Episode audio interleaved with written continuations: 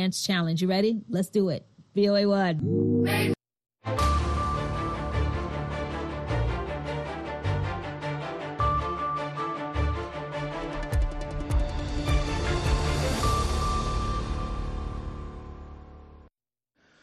halkani waa washington laanta afka soomaaliga idaacadda v o a oo aad ka dhagaysanaysaan mawjadaha gaagaaban efimyada geeska africa iyo caalamka oo dhan oo aad nagala socotaan v o a somaly com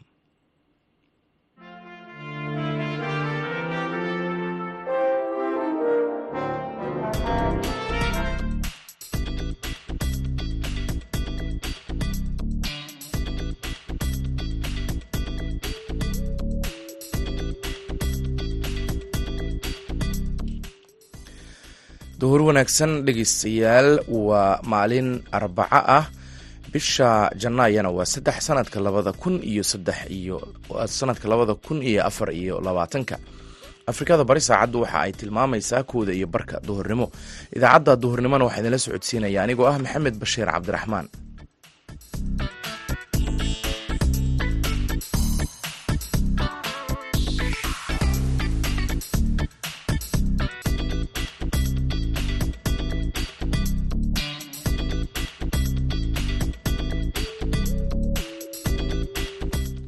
qodobada aad idaacaddeenna duhurnimo ku maqli doontaan waxaa ka mid a wararkii ugu dambeeyey ee khilaafka siyaasadeed ee soomaaliya iyo etoobiya ee ku aadan is-afgaradkii dhex maray etoobiya iyo somalilan laakiin etoobiya iyadu doodaysa arrinta oo garnaqsi heshiiskaas waad geli kartaan ma geli kartaan. Doodaas marka dhinacyo kale loo qabto ku qabsa ku qadimaysa wixii oran jiro waana wixii kenya ay samaysay waxaad kaloo dhegaystayaal maqli doontaan waxa lagu fasirin karo is-afgaradkaasi iyo qodobo kale balse marka hore waxaad ku soo dhowaataan warkii caalamka.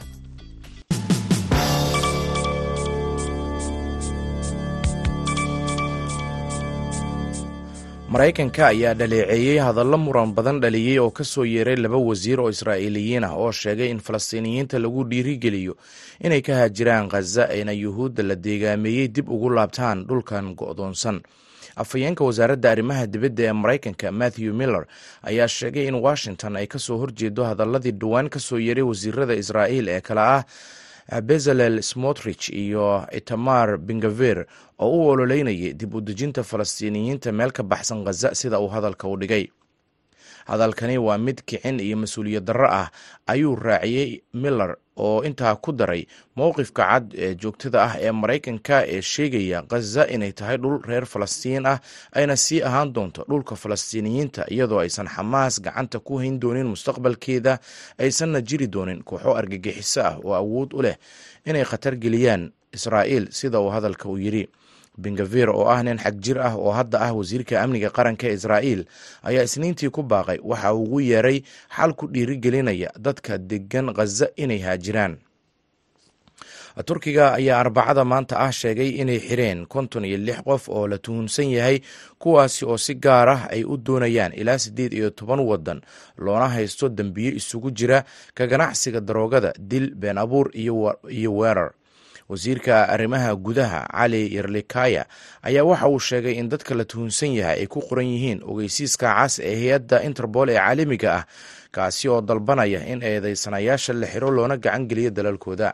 Dadka la xiray ayaa laga doondoonayey dalal ay ka mid yihiin maraykanka jarmalka indiya toddoba dal oo ka tirsan ama ahaa jamhuuriyadihii ka mid ahaan jira midoogii sofiyeeti dalal kale oo ka tirsan eshiya iyo bariga dhexe xafiiska wasiirka ayaan shaacin magacyada shakhsiyaadka la xiray iyadoo uu xafiisku sheegay in dadkan lagu qabqabtay howlgallo amni oo ka dhacay koob iyo toban gobol oo ay ku jirto istanbul.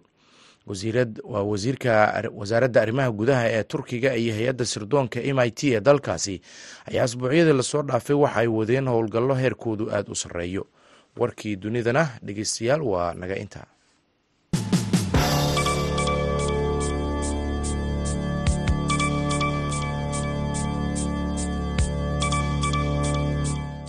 halka wararkaasi aad kala socotaan waa laanta afka soomaaliga ee v o a oo si toos idinkaga imaaneysa washington. Duhur wanaagsan mar kale. Aynu ku horeynay xiisad siyaasadeed ayaa ka dhalatay heshiiskiisa fahamka ahaa ee dhex maray etoobiya iyo maamulka somalilan kowdii bishan taasi oo si weyn ay uga carootay dowladda federaalk ah ee soomaaliya.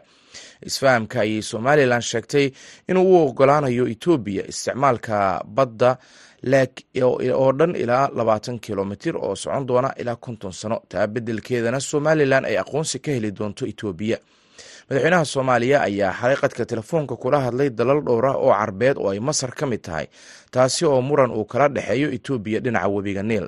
Wararkii ugu dambeeyey arrimahan waxaa warbixintan ku eegaya wariyaha v o a jamaal axmed cismaan wararkii ugu dambeeyey xiisadda ka dhalatay heshiiska isfahamka ee la sheegay inuu dhex maray etoobiya iyo somalilan ee ku aadan arrinta badda ayaa waxaa ka hadlay midooda yurub iyadoo madaxweynaha soomaaliyana ay sida villa soomaaliya sheegtay ay ka wada hadleen arrimo dhowr oo khuseeya gobolka iyo soomaaliya dalalka masar iyo qatar oo ay qadka telefoonka madaxdooda ku wada hadleen.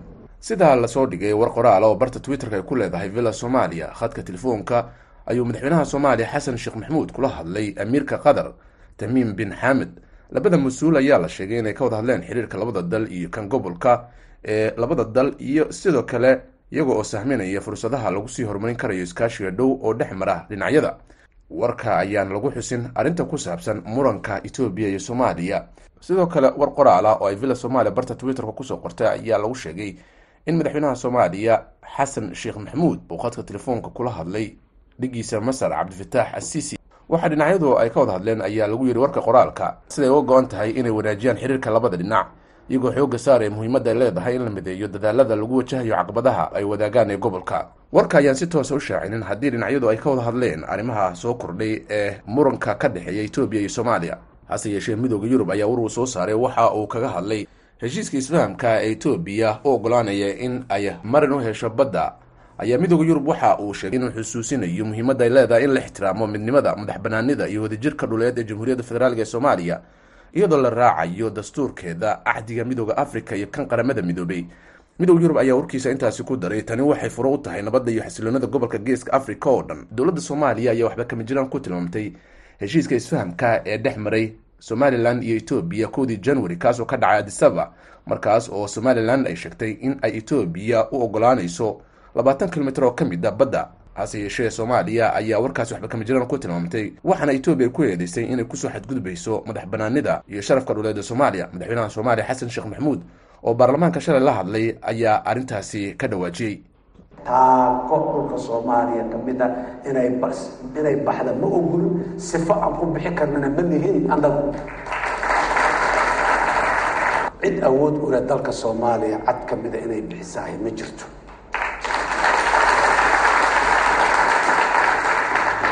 awooyaasheenaa diiday aabbayaasheenaa diiday hooyooyinkeena iyo ayeyaasheenaa diiday annagaa intaan noolayn hadda diidnay. Sina suurtagal kuma aha. Inta yartaa ee maanta soomaaliyada aan haysano oo aan weliba hoosta ka qabno in badanaa naga maqan oo inay naga maqnaato aanay ahayn.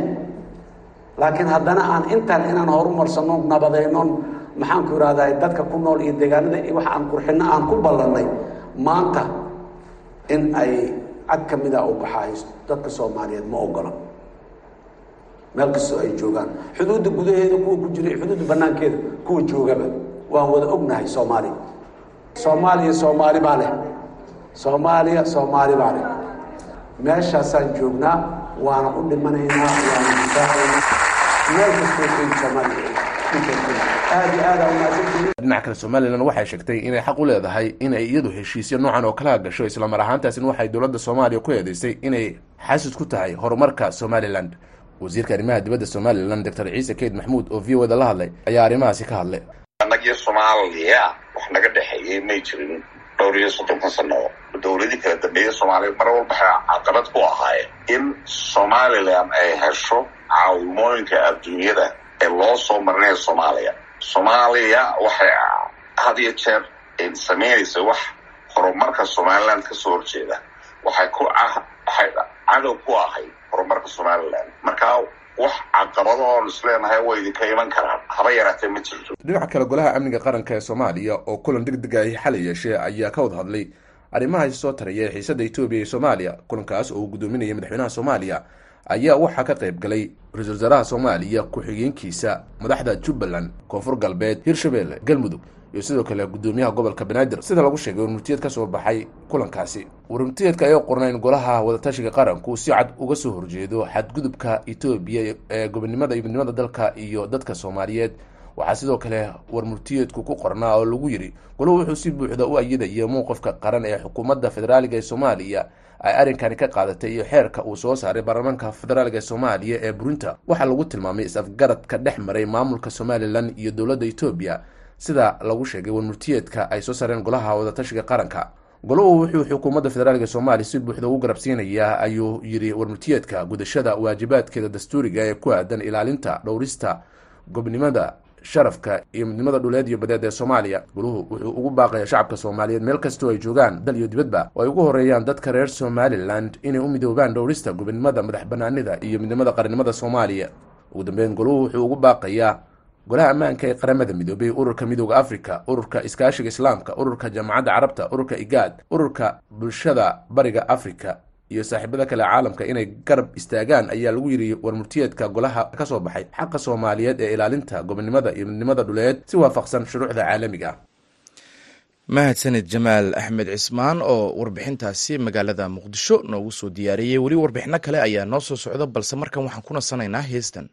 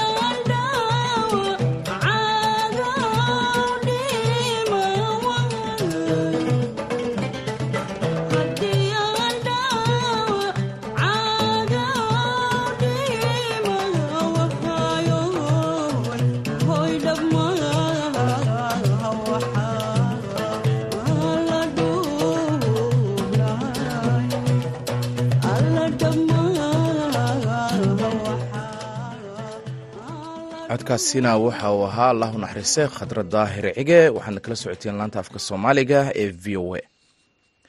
Madaxda ugu sarreysa ee dowladda soomaaliya ayaa ka horyimid heshiiskii somalilan ay la gashay dowladda ethoobiya ee ahaa in labaatan kilomitir oo dhulbadeed ah ay uga kiraysanayso etoobiya madaxweynaha soomaaliya xasan sheekh maxamuud oo ka hadlay baarlamaanka labada aqal ayaa waxa uu sheegay in heshiiskaasi uu yahay mid aan la qaadan karin halka golaha xukuumadduna ay soo saareen qoraal iyo war-saxaafadeed ayidaya hadalka uu madaxweynuhu jeediyey. Haddaba maxaa lagu fasiran karaa go'aanka dowladda soomaaliya ka soo baxay? Wariyaha v o a ee muqdisho cabdicasiis axmed barrow ayaa arrintan ka wareystay abukaati cabdiwaaxid cabdulaahi horta prime ministerka hadalkiisa iyo madaxweynaha hadalkiisu aada buu u adkaa waxayna ka turjumeen oo runtii cabireen fikirka qofka soomaaliga ah wuxuu ka qabo damaca etoobiya madaxweynuhuna taariikh dheer buu u soo yeeray oo runtii hadduu meeshay harsanaysay damaceedu iyo wixii dhib iyo mushkilada ah nagala gudboonaa. Laakiin strong runtii waxaa ahaa oo aada u adkaa qoraalkii aan arkay oo kolley luuqadda ingiriiskan ku akriyey aada buu adkaa meeshii la rabayna way dhigeen. Dabcan madaxweynuhu hadee soft spoken dabcan waa ahaa odagu laakiin nuxur kama tegin. Somalilan waxay sheegtay in labaatan kilomitir oo dhulbadeeda oo saaran biyaha badda cas etoobiya laga kirayn doono iyana ay aqoonsi heli doonto etoobiya noqon doonto dalkii ugu horreysay oo somalilan aqoonsada. Markii aad aragtida sharcigaa ku fiiriso dhulka ama biyaha laga kareeyay etoobiya maxaa lagu micnayn karaa aad is leedahay? Horta labaatanka kilomitir dadku siday u fahmeen u malayn maayo inay badday ka cabireen ayagu badda dherarkeeda. Laakiin dhumucdana waa inay fiiriyaan oo hadday sayla camal lughayo ka soo baxdo dabcan corridor dhul ahna waa in loo sameeyaa oo dhulna waa ku jiraa meesha. Dherarka dherarka ilaa xadka etoobiya ay gelaysana. Ma aqaano boqol kilomitr baa ma garan kara intuu yahay. Cabirkan afka hore ay ka qaateen horta dhulku insaas loo garta wey waa gartay arrintan markaad ku fiiriso qawaaniinta caalamiga ah maadaamaad abukaato tahay maxay u muuqanayaanaad is leedahay oo muhiima hadda in la sameeyo walaala horta wuxuu ma ahan moog tahay laba qof oo wada hadlaysa. Dalalku xuduuday ka leeyihiin xuduudaha waxaa loo dhigtayna waxa weeye iga nabadgal aan kaa nabadgalo inaan bini aadamku isku dhex yaacin oo xasilka iyo deganaanta ummaddu ay ku nooshahayn in territoria cayiman laysla garto. Soomaaliya waa hal. Marka wax legal merit ah ma leh. Yani legal ramification ma leh. Lakiin etoobiya iyadu doodaysa arrinta oo garnaqsi heshiiskaasi waad geli kartaan ma geli kartaan. Doodaas marka dhinacyo kale loo qabto ku qabsa ku qadimaysida wixii la ohan jiro waana wixii kenya ay samaysay.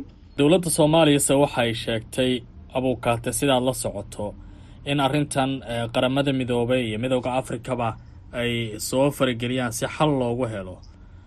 Maxay ka qaban karaan markaad fiiriso qaramada midoobe iyo midowda afrikaba doodan cusub ee geeska africa ka soo korortay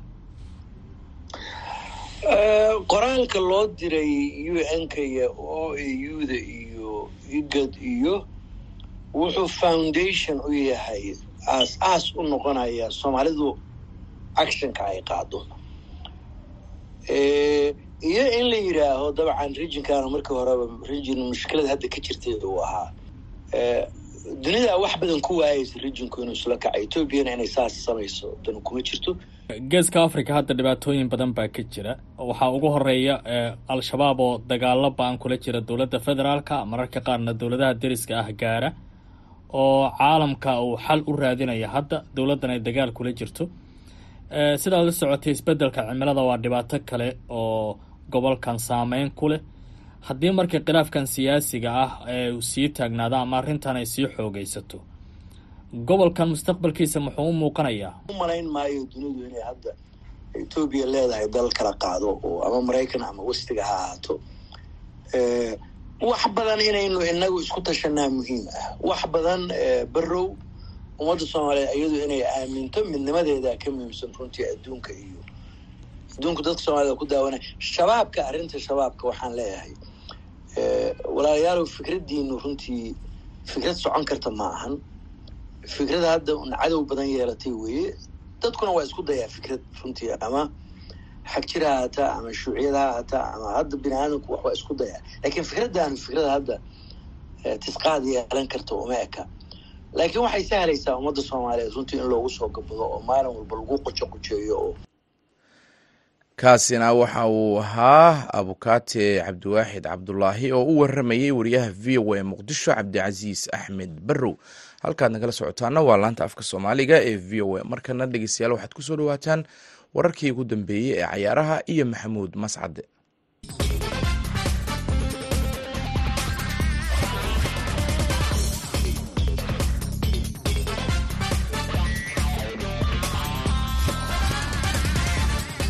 kulan wanaagsan dhegeystayaal dhammaantiinba kuna soo dhowaada xubinta ciyaaraha. Aan ku bilaabay horyaalka waddanka ingiriiska. Kooxaha kubadda cagta ee westham united iyo brighton of albion ayaa goor dambe habeenkii xalay ahaa fooda isku daray gegida london stadium ee magaalada london oo ay guri u ah amaba ay ku ciyaarto kooxda kubadda cagta ee westham united.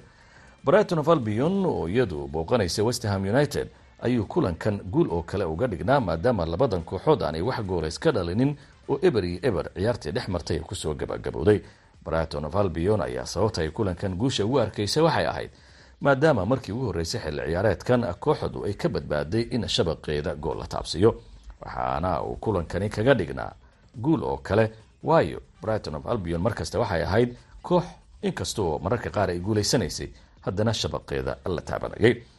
Labadan kooxood oo ku kala jira kaalimaha lixaad iyo toddobaad oo westham united ee kaalinta lixaad ku jirto ayaa koox waliba kaalinteeda ay haatan sii xaajisatay waxaana labadan kooxood lagu tilmaamaa inay ka mid yihiin xilli ciyaareedkan horyaalka waddanka ingiriiska marka laga hadlayo kooxaha ugu bandhiga wanaagsan. Dhinaca iyo waddanka sbain kooxda kubadda cagta ee rayo valcano oo booqanaysay kooxda kitave ayaa ku soo badisay laba gool iyo waxba oo kooxda kubadda cagta ee gatave lagaga soo guulaystay laakiin kulankan guusha iyo guuldarada labadan kooxood soo kala gaartay ma ahayn waxa hareeyey. Waayo saddex ciyaaryahan oo ka mid a ciyaartoyda kooxda kubadda cagta ee khitafe ayaa calaamada guduudan loo taagay. Xidigaha calaamada la siiyey waxaa ka mid ahaa ciyaaryahan mason greenwood oo kooxda kubadda cagta ee tave amaah kula joogay. Xidigan ayaa lagu xusuustaa dembiyo lagu soo oogay kadib markii xidigan la sheegay inuu kufsi geystay. Walow dembigaasi markii dambe lagu waayey laakiin kooxda kubadda cagta ee manchester united ayaa taageerayaashoodu cadaadis ku saareen in xidigan aanu abid mar dambe kaga ciyaarin gegida oo travord ee magaalada manchester taasina waxay keentay xidigu inuu amaah ugu boqolo wadanka spain. Waxaa ciyaaryahankan haatan daydayeysa kooxda kubadda cagta ee barcelona oo ku gurgurinaysa lacag gaaraysa afartan milyan xidigana u ballan qaaday inay sii doonto nambarkii tobnaad ee ciyaaryahankii hore ee leonel messi. Dhinaca iyo magaalada muqdishona galabta waxaa laga nasanayaa ciyaaraha maamul goboleedyada oo gegida stadium muqdisho maalmahan si xiise badan uga soconayay. Maalinta berita ayaa laysu soo noqonayaa oo gobollada hirshabeelle iyo banaadir ay ciyaari doonaan. Xidigaha gobolka banaadir ayaa kulankii hore saddex dhibcood soo qaatay waxaana haatan ay haystaan fursad ay ku hogaamiyaan dhinaca kala sarreynta.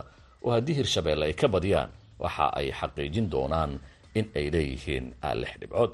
Kulankii shalayna waxaa saddex iyo laba ku soo guulaystay galmudug oo jubbaland. Saddex gool iyo laba kaga adkaaday. Saddexda gool gadaal ayay ka keensadeen xidigaha galmudug xubinteena ciyaaraha dhegeystayaal inta ayaan ku soo gabagabeynaya tan iyo kulan dambe. Waa mascad oo idila sidaa iyo nabadgelyo.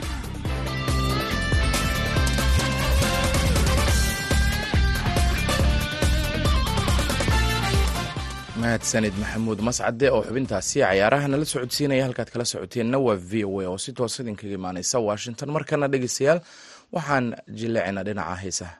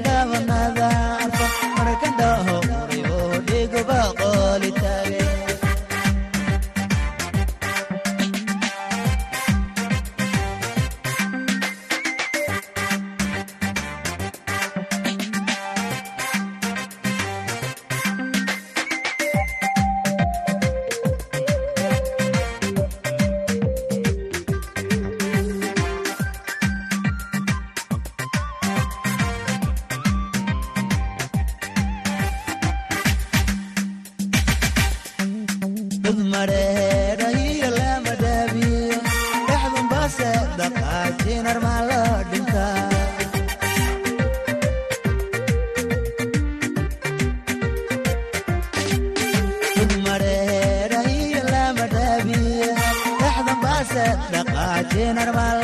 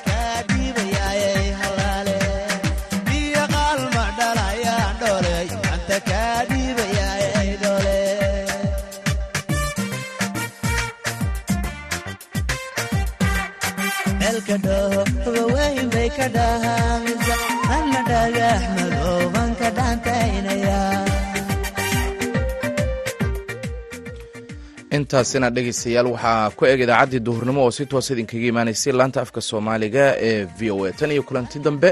Waxaan idin leenahay nabadgelyo